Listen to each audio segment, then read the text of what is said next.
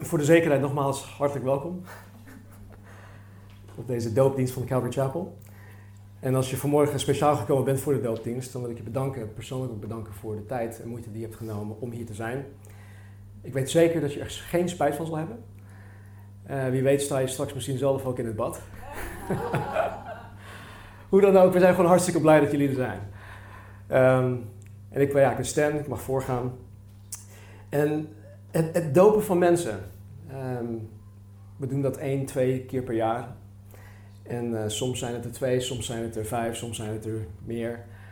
Maar dat maakt niet uit, want God is een God van maatwerk en het gaat bij Hem om die ene persoon. Dus het dopen is altijd uh, voor ons als kerkgemeenschap heel bijzonder.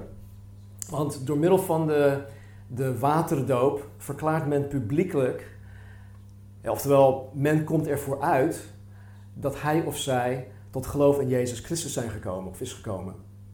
En dat zij Jezus Christus willen navolgen, dat ze hem willen dienen. En misschien vraag je je vanmorgen af hoe het mogelijk is dat mensen anno 2018 überhaupt not, nog tot geloof komen in iets of iemand dat volgens de seculiere wereld zo achterhaald is. Of zo achterhaald lijkt te zijn. En mijn gebed voor jou is dat deze vraag en misschien ook andere vragen die je hebt over het christelijk geloof vanmorgen beantwoord zullen worden. Sterker nog, mijn gebed voor jou is dat je zelf vanmorgen een ontmoeting met Jezus Christus zal krijgen. De levende God van de Bijbel. De wereld waarin we leven, die keert zich steeds meer af van Jezus Christus, keert zich steeds meer af van het christelijk geloof. De gevestigde kerken die vergrijzen, die lopen leeg. Onze overheid en de samenleving is van mening dat de Bijbel niet relevant is. En de Nederlandse meerderheid heeft God simpelweg gewoon niet nodig. Uh, Delano en Taco die zijn een paar weken geleden naar India toe gegaan. Die mensen hebben daar letterlijk niks. Daar, daar zie je ook dat die mensen God ook echt voor alles nodig hebben. Maar hier in Nederland, er wordt, alles wordt voor ons gezorgd. We hebben zoveel geweldige instanties die ons te hulp komen wanneer we hulp nodig hebben. Dus in principe hebben wij God niet nodig. Maar we hebben God juist wel nodig. Um, mensen denken vaak, en dat, dat, merk ik uit gesprekken, dat, dat ze het zelf wel redden. En zonder enige bemoeienis van een in hun ogen autoritaire God. Maar nu is het zo dat volgens een artikel in de Volkskrant dat april vorig jaar gecheckt werd door nrc.nl, dat 1,1 miljoen of 1,1 miljoen Nederlanders antidepressiva slikken. 1,1 miljoen mensen. Dat zijn heel veel mensen die zitten aan de pillen. En toch blijft seculier Nederland beweren dat zij de God van de Bijbel niet nodig heeft.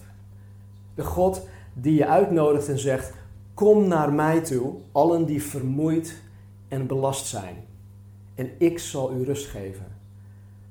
Hij zegt: Neem mijn juk op u en leer van mij dat ik zachtmoedig ben en nederig van hart, en u zult rust vinden voor uw ziel, want mijn juk is zacht en mijn last is licht. Deze God nodigt ons uit om tot Hem te komen. Zodat je rust zal vinden. Rust voor je ziel. Dus waarom zou iemand ervoor uitkomen dat hij of zij in de Bijbel gelooft? Waarom zou iemand ervoor uitkomen dat hij of zij in een onzichtbare God gelooft? Dat hij of zij in iemand gelooft waarvan de meerderheid van onze maatschappij zegt dat, het, dat een dergelijk geloof onzin of zelfs achterlijk is?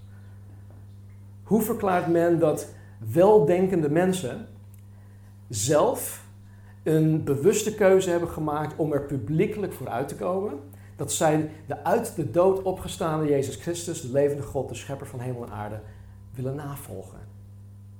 Hoe verklaar je dat? Hoe verklaar je dat de dopelingen zichzelf willen identificeren met iemand die 2000 jaar geleden gekruisigd werd, begraven werd, uit de dood is opgestaan en terug naar de hemel is gegaan? In mijn beleving, in mijn optiek, naar mijn kennis van Gods woord, de Bijbel, is er maar één verklaring mogelijk. Ieder van de dopelingen, vandaag zijn het er twee, heeft op een gegeven moment een persoonlijke ontmoeting met Jezus Christus gehad. En voor sommigen lijkt dat misschien hoe eng, hoe moet ik dat nou zien? Is die ineens in mijn slaapkamer verschenen? ben ik hem in, de bus tegengekomen? Dat zien we zo meteen wel. En ieder heeft daar een, een uniek verhaal over te vertellen. Hoe zij hun ervaring of ontmoeting met Jezus hebben ervaren. Maar ondanks dat hun verhalen uniek zijn, hebben ze allen een aantal uh, fundamentele zaken gemeenschappelijk. Beiden hebben de waarheid over Jezus Christus gehoord. En God, de Heilige Geest, heeft het in hun harten bevestigd. Allebei hebben de waarheid over zichzelf gehoord. En ook hierin heeft God de Heilige Geest dat in hun harten bevestigd. Allebei hebben hun harten voor deze waarheid geopend. Alle twee hebben zich afgekeerd van een leven zonder een bewustzijn van Gods genade. Ze hebben zich afgekeerd van een, een leven zonder een bewustzijn van Gods onvoorwaardelijke liefde, Gods vergeving, Gods vrede, Gods vreugde, Gods zorg en bescherming, Gods eeuwig leven. Ze hebben zich daarvan afgekeerd en in ruil daarvoor hebben zij nu vrije, onbeperkte toegang tot Gods genade. Tot Gods onvoorwaardelijke liefde. Tot vergeving, tot vreugde, tot zorg, tot bescherming, tot de zekerheid van het eeuwige leven na de dood. En ook hebben zij zich overgegeven aan de heerschappij van Jezus Christus over hun leven. Wat simpelweg betekent dat zij niet meer voor zichzelf leven, maar voor Hem. Ze hebben de touwtjes uit handen gegeven, als het ware, zodat Jezus Christus de regie over hun leven mag uitvoeren. En misschien denk je wel, dat, dat klinkt zo intens, dat klinkt zo radicaal. Waarom zou iemand dat, dat doen? Heeft een dergelijke ontmoeting met Jezus Christus dan zo'n impact op de mens dat een weldenkend mens zich radicaliseert voor Jezus? Er wordt in, op het nieuws wordt in de wereld wordt er heel veel gesproken over geradicaliseerde jongeren. Maar dat is altijd in een heel negatief licht. Wanneer iemand echt tot kennis der waarheid komt, wanneer iemand echt in Jezus Christus gaat geloven, wanneer iemand er echt helemaal voor gaat, dan wordt die persoon geradicaliseerd voor Jezus Christus en dan in een hele positieve zin. Het evangelie, de blijde boodschap waarin Jezus zichzelf aan de mens geopenbaard heeft, ehm, dat, dat houdt nog steeds stand. 2000 jaar lang heeft het evangelie zich stand gehouden. En dit ondanks enorme tegenstand, dit ondanks enorme bedreigingen. Jezus zelf heeft dit in stand weten te houden. En door de millennia heen heeft Jezus op vele mensen, tienden miljoenen mensen, misschien wel meer, heeft Jezus deze impact gehad als op de twee die zich vanmorgen ook laten dopen. Dus ja, een, ontmoeting met Jezus Christus heeft een diepgaande en een blijvende impact op een mens. Het brengt heel veel teweeg in een mensenleven. Men vraagt zich vaak, vaak af, eh, hoe, hoe gaat dat dan in zijn werk?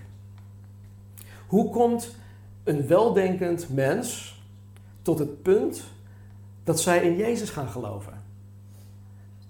Nou, ik ben op mijn 26-jarige leeftijd tot geloof gekomen. Ik had er zelf nooit over nagedacht. Maar op een gegeven moment is het wel gebeurd. En wat er met de twee dopelingen gebeurd is, is met mij ook tien jaar geleden gebeurd. Nee um, heel lang geleden gebeurd.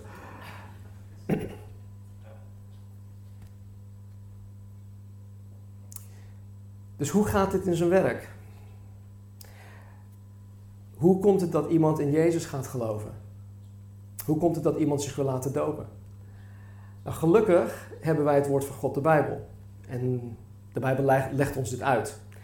In het Bijbelboek Handelingen, wat de geschiedenis van de kerk beschrijft, komen we in hoofdstuk 8 een man tegen die een, een, een dergelijke, een gelijksoorte uh, ontmoeting met Jezus Christus heeft gehad. Dus als je Bijbel hebt, bij je hebt, dan sla je Bijbel open, uh, Handelingen hoofdstuk 8. En dan lezen we Handelingen hoofdstuk 8 vanaf vers 26.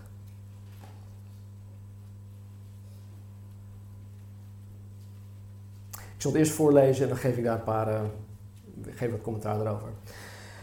En een engel van de Heer sprak tot Filippus en zei: Sta op, ga naar het zuiden, de weg op die van Jeruzalem afdaalt naar Gaza die eenzaam is. Het is een verlaten plek.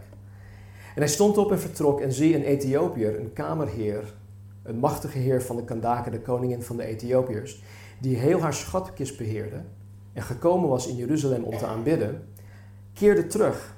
Dus hij was op terugreis naar uh, Ethiopië. En hij zat op zijn wagen en las de profeet Jesaja. En de geest zei tegen Filippus, ga er naartoe en voeg u bij deze wagen. En Filippus snelde er naartoe, hoorde hem de profeet Jesaja lezen en zei, begrijpt u ook wat u leest? Maar hij zei, hoe zou ik dat kunnen als niemand mij de weg wijst? En hij verzocht Filippus op de wagen te klimmen en bij hem te komen zitten. En het schriftgedeelte dat hij las was dit. Hij is als een schaap naar de slachting geleid en zoals een lam stemmeloos is bij de scheerder, zo doet hij zijn mond niet open. In zijn vernedering is zijn oordeel weggenomen en wie zal, en wie zal zijn afkomst vertellen? Want zijn leven wordt van de aarde weggenomen. En de kamerheer vroeg, antwoordde Filippus, ik vraag u, over wie zegt de profeet dit? Over zichzelf of over iemand anders? En Filippus deed zijn mond open en uitgaande van dat schriftwoord verkondigde hij hem Jezus. En terwijl zij onderweg waren, kwamen ze bij het water. En de kamerheer zei: Kijk, daar is water. Wat verhindert mij gedoopt te worden? En Filippus zei: Als u met heel uw hart gelooft, is het geoorloofd. En hij antwoordde en zei: Ik geloof dat Jezus Christus de Zoon van God is. En hij liet de wagen stilhouden en ze daalden beide af in het water, zowel Filippus als de kamerheer. En hij doopte hem tot zover. In dit door God geïnspireerd verslag zien wij, zien wij twee personen. De eerste is Filippus. Dit was een discipel van Jezus. Het was, hij was een echte christen. Hij was in een plek dat heette Samaria. Hij was daar bezig. Hij had daar een grote campagne. En hij was daar om de mensen in Samaria te vertellen over Jezus Christus. En hij boekte daar gigantisch grote successen. Velen kwamen daar tot geloof. Uh, Jezus bevestigde wat hij daarover hem zei door uh, kreupelen en zieken te genezen, door mensen te bevrijden van de demonische machten, door hen te vervullen met de Heilige Geest en om deze mensen dan ook in staat te kunnen stellen om hun of om een christen te kunnen zijn. Dus God werkte in Samaria op een hele bijzondere wijze door deze Filippus heen. Maar ondanks alle succes riep God hem daarvan weg. Hij riep hem daarvan weg omwille van één persoon, één man. Een man die op zoek was naar God, maar God niet in Jeruzalem had gevonden. Dat is toch triest, te triest voor woorden dat je, je gaat op zoek naar God en je zou denken, nou, Jeruzalem is de plek waar God te vinden is en dan vind je hem daar niet. Dus de eerste persoon in het verhaal is Filippus. De tweede is een man uit Ethiopië, Laten we hem een minister van Financiën noemen. Kennelijk had deze Ethiopiër het Joods geloof aangenomen en hij ging naar Jeruzalem toe om God daar te zoeken en God daar te aanbidden. En voor hem was het een reis van zo'n 2000 kilometer. En dan niet in zijn Lexus. Dat ging heel anders. Hij was daar waarschijnlijk maanden op reis. En op dit moment in het verslag was hij dus op weg naar huis. Hij ging naar Jeruzalem toe om God te zoeken, had God daar niet gevonden, dus hij ging naar huis. En God, die zijn hart kende, wist, hey, die man die is op zoek naar mij. Filippus, ga daar naartoe, ontmoet die man. Omwille van die ene man. En het gaat in dit verslag voornamelijk dus om deze Ethiopiër.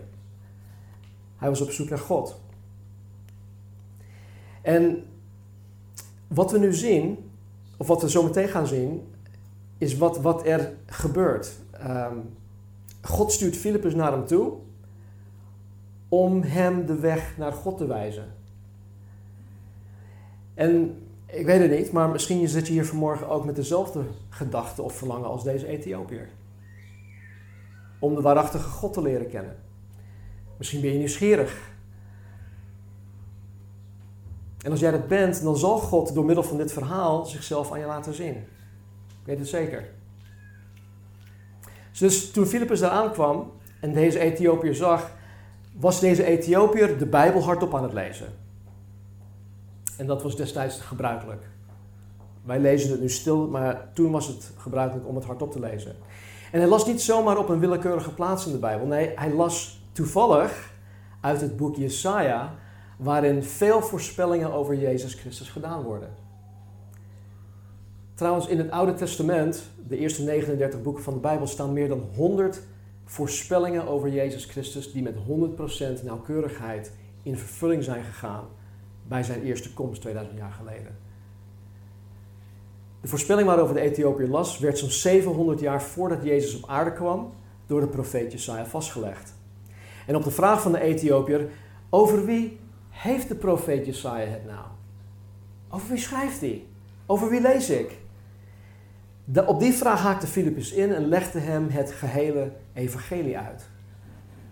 En het was op dit moment, op dit moment, dat Filippus het evangelie, ehm, toen hij het uitgelegd kreeg, dat deze Ethiopiër zijn persoonlijke ontmoeting met Jezus Christus kreeg. Het was op dat moment. Deze Ethiopiër had van Filippus de waarheid over Jezus Christus gehoord. De Heilige Geest liet de Ethiopiër inzien dat Filippus hem inderdaad de waarheid over Jezus vertelde. Dus dat werd gewoon bevestigd in zijn eigen hoofd en in zijn eigen hart. hey, dit is het. Hij had ook de, van Filippus de waarheid over zichzelf gehoord, namelijk dat zijn diepste nood vergeving van zonde en verzoening met God is. En zijn hart stond ervoor open.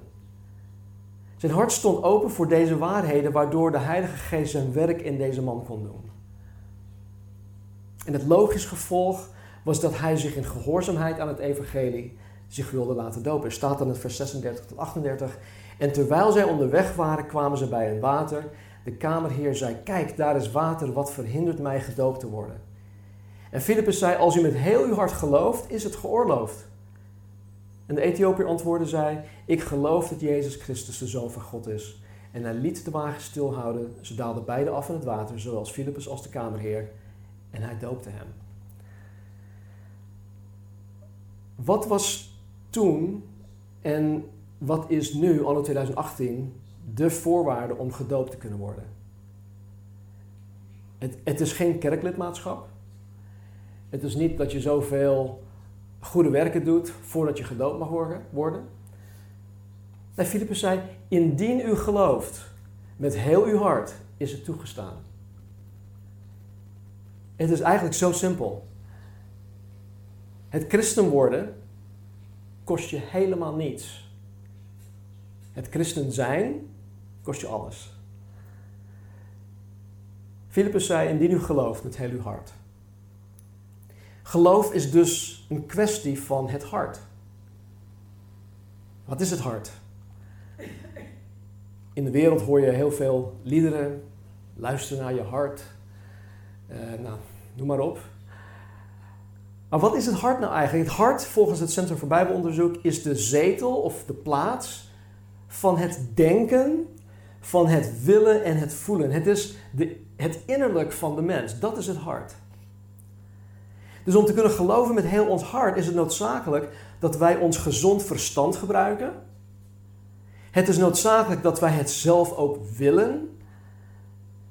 Het is noodzakelijk dat wij het voelen in het diepst van ons wezen dat het goed is, dat het juist is. Dat is geloven met heel je hart. En in een hart dat voor God open staat, zal de Heilige Geest het geloof bevestigen. Hij is degene die bevestigend tot ons hart zal spreken. Mijn oude vrienden van, mijn, van, van vroeger, die snappen het niet. Die kunnen niet geloven dat ik tot geloof ben gekomen. Hoe kan jij, Stan, jij, vooral jij, hoe kan jij nog in, in dit geloven? Nou, de waarheid werd mij voorgehouden. De Heer heeft mijn ogen geopend, mijn oren geopend, mijn verstand geopend, mijn hart geopend. En de Heilige Geest heeft dat in mijn eigen hart bevestigd. Dit is het gewoon. Wij horen dus met heel ons hart te geloven. Nu is de vraag, waarin horen wij te geloven met heel ons hart? Ten eerste dit. Ik ga er vrij snel doorheen hoor. De Bijbel leert ons in Romeinen 3, hoofdstuk 3, vers 10. Er is niemand rechtvaardig. Ook niet één. Want allen hebben gezondigd en allen missen de heerlijkheid van God. De Bijbel zegt dus over de mens dat naast Jezus Christus geen enkel persoon die ooit op aarde heeft geleefd of zal leven, volkomen rechtvaardig is of geheel volmaakt is. Wij zijn niet volmaakt. Geen van ons hebben ons voor 100% gehouden aan de tien geboden.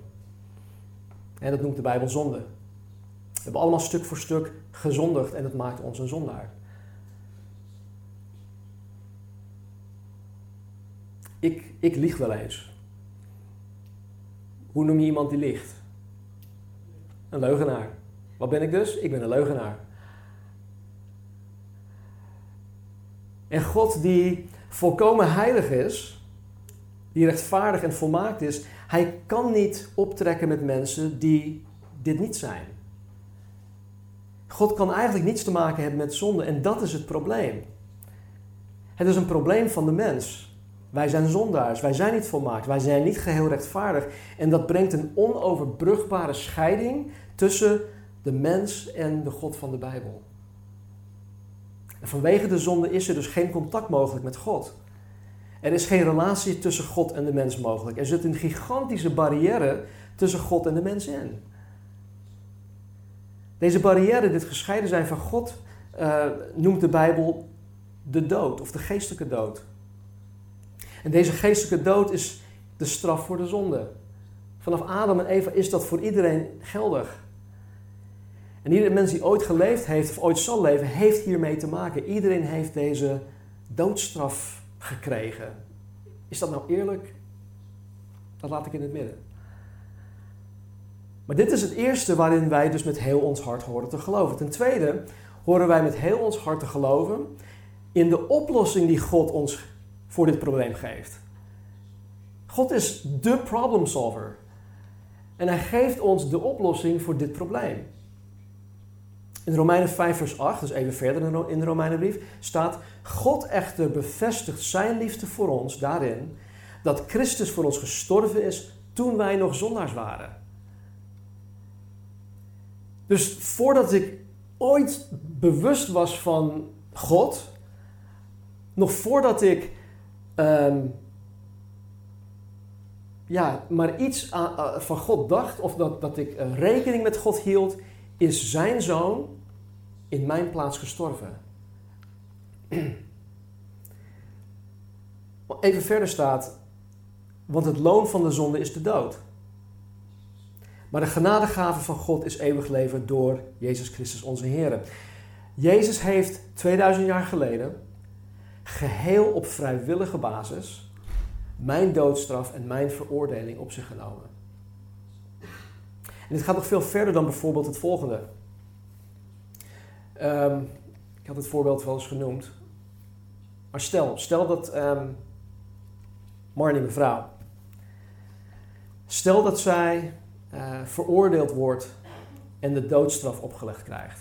Nou, we hebben dat hier in Nederland niet, maar stel dat we nog steeds in de States wonen in Texas, waar de doodstraf nog wel geld, geldig is. En zij, zij doet iets waardoor ze, of waarvoor ze de doodstraf opgelegd krijgt. Dan is Marnie door de wetgeving verplicht om met haar leven te boeten voor haar daden. En dan wordt er vastgesteld dat er op een zekere dag in de toekomst zij geëxecuteerd gaat worden. En dan stap ik op een gegeven moment in en ik ga naar het openbaar, openbaar ministerie toe. Ik geef mezelf op om in haar plaats geëxecuteerd te worden. Ik zeg, oké, time out even. Ik weet dat zij schuldig is, maar laat mij haar schuld dragen. Laat mij voor haar in haar plaats geëxecuteerd worden. Dan kan zij vrijgesproken worden. Kijk, mocht dit überhaupt mogelijk zijn, dan is dit maar een beetje te vergelijken met hoe Jezus Christus mijn doodstraf op zich heeft genomen. Hoe hij in mijn plaats aan het kruis is gestorven. En ik dan geheel vrijgesproken ben. Ik als wedergeboren christen ben geheel vrijgesproken. God ziet mij nu door de bril van Jezus Christus en hij ziet mij als gerechtvaardigd, volmaakt. Zo zie ik mezelf niet, ik heb nog, zelf, nog elke dag met mezelf te maken. Maar God ziet me wel zo. En dat is het geweldige nieuws. Ik ben helemaal schoongewassen van al mijn rotzooi. En ik hoef me ook niet schuldig meer te voelen. En op het moment dat ik mijn leven aan Jezus Christus geef, gaat Hij aan het werk, gaat Hij aan mij sleutelen, gaat Hij mij reinigen, gaat Hij mijn denken doen veranderen, gaat Hij mijn hart veranderen. 2 Korinthe 5, 5, vers 17 zegt dat ik een nieuwe schepping ben geworden in Jezus Christus. En dit heeft Jezus voor een ieder van ons gedaan. En dit is het goede nieuws, dit is het evangelie. Christus heeft 2000 jaar geleden mijn straf, mijn veroordeling op zich genomen, waardoor ik vrijgesproken ben geworden. En op het moment dat je je leven aan Jezus Christus geeft, krijg je een nieuwe start. Je begint gewoon met een schone lei. Alsof alles wat je in het verleden hebt gedaan, gewoon weg is. Helemaal weg. De Bijbel zegt ook dat God, hè, zo ver als het oosten is van het westen, moet je even over nadenken, hoe ver is het oosten van het westen? Nou, als je in, in de westelijke richting vliegt, dan blijf je voor altijd in, het west, in een westelijke richting vliegen. Je zal het oosten nooit tegenkomen. Als je naar het noorden vliegt, zal je het noorden en ga je, op een gegeven moment ga je naar het zuiden toe. Dan weer naar het noorden, zuiden. Dus, goed, anyway. Uh, je zon is gewoon weg. Ja? Je krijgt een nieuwe start. In Romeinen legt het, uh, de apostel Paulus het uit. Hij zegt, als u met uw mond Jezus Heere, als u met uw mond Jezus als Heere beleidt en met uw hart gelooft dat God hem uit de doden heeft opgewekt, zult u zalig worden, zult u gered worden. Want met het hart gelooft men tot gerechtigheid en met de mond beleidt men tot zaligheid. Want de schrift zegt, ieder die in hem gelooft zal niet beschaamd worden, want ieder die de naam van de Heer Jezus zal aanroepen, zal zalig worden. Punt. Uit. Bekering. Dat klinkt misschien als een heel zwaar woord. Kerkelijk. Oeh. Maar het is eigenlijk heel eenvoudig. Bekering is enerzijds het, het van gedachten veranderen over God. Je gedachten veranderen over wie je zelf bent. Anderzijds is het de rug toekeren aan je oude, niet God erend leven. Je oude, uh, niet God erende gewoontes je rug toekeren naar die dingen. Je moet je dus bekeren van je zonde. En je moet je tot God bekeren. Je bekeert je van iets en tot iets. Als je bijvoorbeeld een leugenaar bent, moet je je bekeren van het liegen. Je moet gewoon ophouden met liegen. je, hij lacht. Gewoon ophouden. In de Biblical Council, oh, nou, nou, dat is een ander verhaal. Biblical Counseling hebben we een hele mooie eh, video gezien. Um, als je egoïstisch bent, of hoogmoedig, of trots, of eigenwijs, of een dief, of een vechtersbaasje. Of als je nu eh, seks hebt buiten het huwelijk, of als je samenwoont, of verslaafd bent aan wat dan ook. Dan moet je je van bekeren. Mits je Jezus wil navolgen. Ik zeg niet dat als je gewoon je leven door wil gaan, dat ik nu allerlei dingen opleg. Nee, maar wil je Jezus navolgen, dan moet je dat achterlaten. Bekering hoort bij het tot geloof komen in Jezus met heel je hart. Want de Bijbel leert ons dat op het moment dat iemand echt tot geloof komt, hij of zij als het ware opnieuw geschapen wordt. Wat ik dat ook zei. Staat in 2 Korinther 5 vers 17 dit. Als u christen wordt, wordt u van binnen helemaal nieuw. U bent als het ware opnieuw door God geschapen. Er is een heel nieuw leven begonnen. Dus als een opnieuw geschapen mens die vervuld is met de geest van God, kan een christen die zich bekeerd heeft niet langer in structurele zonde blijven leven. Dat kan gewoon niet. En het is niet zo dat je heel krampachtig moet gaan leven van, oh, ik, moet dit, ik mag dit niet meer doen. Nee, het gebeurt gewoon, je verandert. Na verloop van tijd gaat God met jou aan de slag en hij verandert jou. Filippus zei, indien u gelooft met heel uw hart, mag u gedoopt worden. Het heeft dus met een persoonlijke keuze te maken. Een persoonlijke keuze. Daarom geloven wij en hanteren wij ook niet de kinderdoop. Kinderen en baby's die kunnen niet zelf die bewuste keuze maken om Jezus na te willen volgen. Dit is dus een keuze die elk weldenkend mens kan maken. Een keuze die Deborah Vinci en Sergio Fiorenza hebben gemaakt. Het kan ook heel goed zijn kan ook heel goed zijn dat Jezus Christus jou vanmorgen voor de keus stelt. En niemand is hier bij toeval. Misschien denk je, ja, ik ben hier gekomen omdat die en die me uitgenodigd heeft. Ja, ook geen toeval. Als je wil dat je zonde vergeven worden, dat je vrijgesproken wordt, dat alle schuldgevoelens volkomen en voor altijd weggenomen worden, dan is dat vanmorgen mogelijk. Als je wil dat je niet meer gescheiden van God leeft, maar dat je vrije, onbeperkte toegang tot God hebt door middel van een persoonlijke relatie met Hem, dan is dat vanmorgen mogelijk. Jezus zegt: Kom naar mij toe, allen die vermoeid en belast zijn, ik zal u rust geven. U zult rust vinden voor uw ziel. Jezus wil dat wij naar Hem toe komen. In geloof. Maar voordat Hij tot de mens hiertoe uh, uitnodigde, zei Jezus: Bekeer u, want het koninkrijk van God is nabijgekomen. Weet je, dit waren de eerste vastgelegde woorden van Jezus toen hij in het openbaar trad. Bekeer u, want het koninkrijk van God is nabijgekomen. Wil je in Jezus Christus geloven met heel je hart? Zoals we dat vanmorgen met elkaar hebben doorgenomen. Durf je een stap in geloof te zetten? Je hoeft het niet tegen mij te zeggen, zeg het gerust tegen Hem. Laten we bidden. Hemelse Vader, dank u wel dat u zo ver bent gegaan om de mensheid hier te redden van de zonde, van de dood, van onszelf. Dank u wel dat u zo ver bent gegaan om het meest kostbare bezit, uw zoon Jezus, aan ons te geven. En dank u, Jezus, dat u zo ver bent gegaan, dat u vrijwillig uw heerlijkheid in de hemel hebt afgelegd om een kwetsbaar mens te worden voor ons. En dan niet alleen een kwetsbaar mens te worden, maar zelfs door uw schepping, de mensheid, vervloekt en bespuugd en geslagen en gekruisigd te worden. Heer, al was ik de enige persoon op aarde, weet ik dat u zoveel van mij houdt, van ons houdt, van de mens houdt. Al was ik de enige op aarde, had u het nog gedaan. Daar ben ik stellig van overtuigd. Want zo groot is uw liefde. Dus Heer, als er vandaag iemand is die die u hier, die u hier per se naartoe heeft gebracht. Wiens hart nu voor u open staat. Bevestig, Heer, wat zij vanmorgen gehoord hebben in hun hart. Ik weet, Heer, dat uw woord nooit ledig tot u terug zal keren, dat u altijd uw doel zal bereiken. Dus doe dat ook vandaag. We zien uit naar wat uh, Sergio en wat uh, Deborah zo meteen gaan meemaken. Geef hen nogmaals rust in hun hart. Geef hen vrede. Laten we niet ja, onnodig nerveus zijn. Hier, zodat ze ook gewoon van dit moment mogen genieten. Ik dank u hiervoor en ik bid, Heer, dat u uzelf laat zien.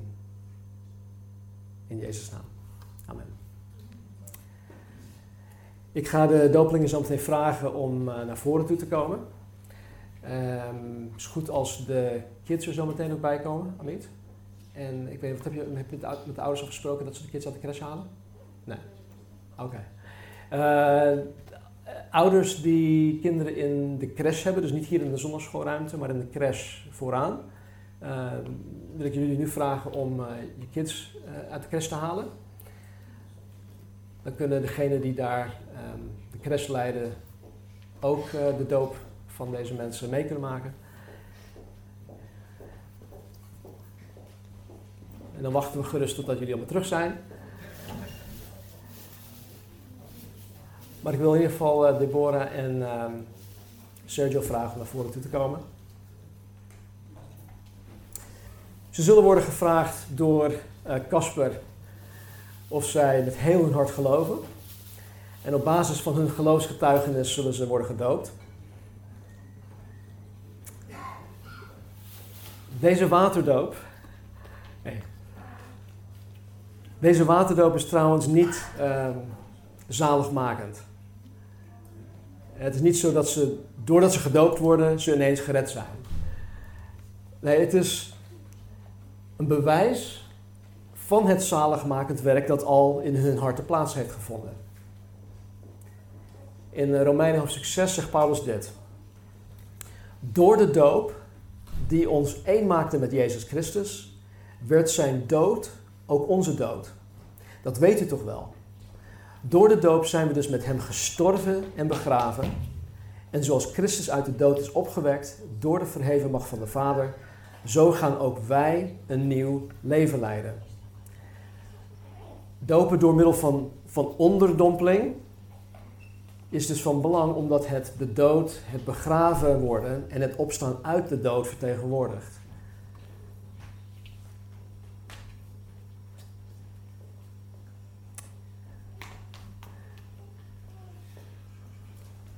Casper en Delano die komen zo ook naar voren toe. En die nemen het van mij over. Ik wil jullie allen danken voor jullie aandacht. Als jullie vragen hebben, commentaar, uh, ik ben altijd bereid om, uh, om jullie vragen te beantwoorden, hopelijk. En jullie commentaar aan te horen. Dus uh, Casper de Haan. We hebben vandaag, zoals Stan ook al zei, twee dopelingen. Um, en dat is gewoon prachtig om twee mensen te zien die publiekelijk willen vertellen dat ze van God houden. Dat zij hun leven overgegeven hebben. En uh, dit is Deborah Vinci. Zij uh, heeft aangegeven zichzelf graag te willen laten dopen. En dit is voor haar opnieuw gedoopt worden. En ze, ze heeft aangegeven, de reden dat ik opnieuw gedoopt wil worden, is omdat ik er klaar voor ben om de Here te dienen en ook op zoek ben naar rust in mijn leven. Het is ook goed voor mij om mijn relatie met mijn hemelse Vader intiemer te maken ik ben er echt klaar voor. En onze vader was er eigenlijk altijd al, maar ik was er toen nog niet klaar voor. Maar nu wil ik niks liever dan die verbintenis aangaan met mijn hemelse vader. Wat een prachtige getuigenis is dat.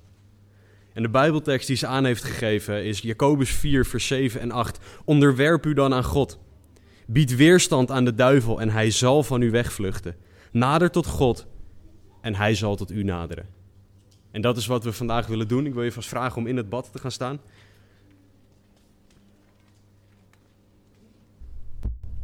Sorry voor de boom elke keer.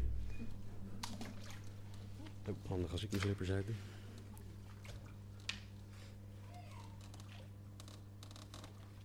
Net zoals Filippus vroeg aan de Ethiopische man.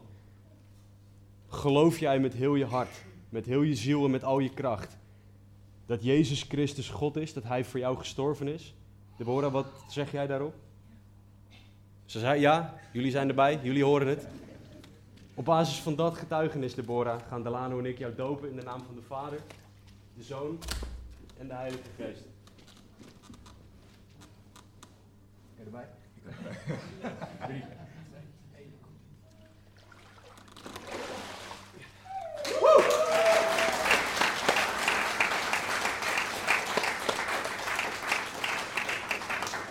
Dit is uh, Sergio Fiorenza, spreek ik het goed uit? Soort van. Soort van.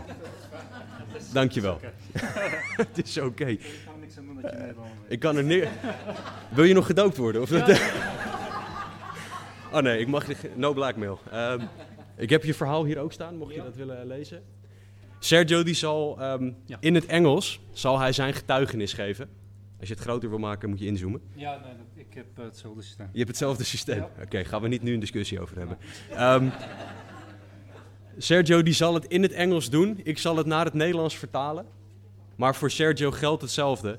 Hij heeft een ontmoeting gehad met God en hij wil hier tegen iedereen, aan iedereen laten zien: ik geloof in God en volg hem na. Zo, so, go ahead. Oké. Okay. Um, nou ja, jullie kennen me. Ik ben een half Italiaan, half Nederlander. You know me, I'm a half Italian, half uh, Dutch guy. Maar uh, mijn getuigenis met God of mijn... Um, um, ja, mijn getuigenis met God gaat altijd in het Engels. Ik weet niet waarom. Ik, um, My testimony with God, with God always goes in English. I don't know why. Dus bij deze excuses, maar ik, uh, ik heb het opgeschreven in het Engels. My apologies, I wrote it down in English. Het uh, komt beter uit mijn hart in het Engels dan in het Nederlands. It comes better from the heart when I speak in English.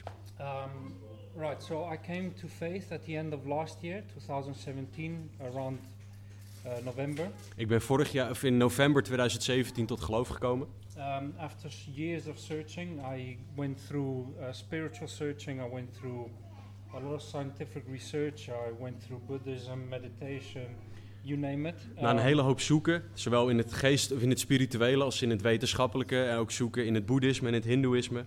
Ik, um, I eventually came to faith because a scientist or a lot of scientists, a lot of smart people actually uh, came to the conclusion that um, everything we, the universe, everything didn't come out of nothing. It's impossible. Een hele hoop hele slimme mensen, een hele hoop wetenschappers zijn tot de conclusie gekomen dat dit universum niet vanuit zichzelf gekomen kan zijn. Dat, dat, dat er iemand moet zijn die dit aangesticht heeft. There has to be a creator. I mean, it's so intrinsically and exquisitely designed. Um, the, the, the probability that everything can randomness is just impossible. So Het is zo bijzonder geschapen, het is zo fantastisch gemaakt dat het onmogelijk is. De kans is zo klein dat dit eh, eh, door toeval tot stand gekomen is. Dat, er moest wel een God zijn. So I basically realized there has to be a creator, and um, soon after that, I realized that the creator is the God of the Bible. Er moest wel een schepper zijn en snel daarna realiseerde ik me dat het de schepper van de Bijbel, of de God van de Bijbel was. Um, I now realize that uh, our Father has been giving me hints my entire life, and especially the last couple of years. Ik eh, realiseer me nu dat de vader me jarenlang hints heeft gegeven en ik zie nu ook dat hij, dat hij daar heel erg druk mee was. And uh, I've just been very slow at uh, realizing the hints. Ik ben gewoon heel traag geweest in het eh, eh, herkennen van de signalen. Um, as soon as I came to faith, my primary concern was uh, to read the Bible as soon as, as quickly as possible. I'm a very impatient uh, human being, so I wanted to get into the Word as soon as possible. Nadat ik tot geloof was gekomen, was mijn belangrijkste gedachte en mijn belangrijkste hartsverlangen om de Bijbel te lezen. Ik ben een heel ongeduldig persoon, dus dat is wat ik graag wilde doen. And um, and soon after that, uh, my, my main concern was to please our Father in whatever way possible. En kort daarna werd mijn verlangen om de vader een plezier te doen, op welke manier dan ook. It was um, interesting times because I was going through the Old Testament, and as you all know, the you know the law of Moses. Het was een hele interessante tijd, want ik ging door het Oude Testament heen en zoals jullie weten, de wet van Mozes staat daar. And uh, so I would come back to Tracy and I would say, listen, I read this. I can't eat pork. I can't eat prawns. Eh, dus ik kwam thuis bij Tracy, mijn vrouw, en ik zei tegen haar: We kunnen geen varkensvlees of geen. Nou, ik- garna- of, ik kan geen varkensvlees of geen, eh, of geen garnalen meer eten. And uh, you know, and then I would tell her, you know, as I uh, discovered that the Sabbath is on a Saturday, so we actually have to have the Sabbath day on a Saturday. En toen kwam ik erachter dat de sabbat op zaterdag was. Dus toen zei ik: Nou, ik, ik moet dus de sabbat op zaterdag vieren. So I think I was uh, driving Tracy very crazy. Ik denk dat ik Tracy helemaal gek gedraaid heb op dat moment. And um, so, but basically, luckily, I went through the Bible very quickly, and I, I came to the New Testament, Ik ging vrij snel door de Bijbel heen en ik kwam bij het Nieuwe Testament. and everything stabilized. En dingen stabiliseerden een beetje. So, and then, still at that point, my primary concern was to please uh, our Father and um, and to become righteous in His eyes. Mijn, mijn verlangen was nog steeds, mijn prioriteit was nog steeds om de Vader een plezier te doen en rechtvaardig te worden in zijn ogen.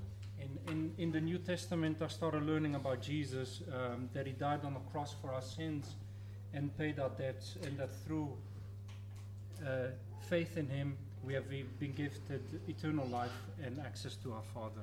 En in het Nieuwe Testament ging ik lezen over Jezus, die voor onze zonde gestorven was, die ehm, de, onze schuld betaald heeft en dat door in Hem te geloven we eeuwig leven en toegang tot de Vader konden krijgen.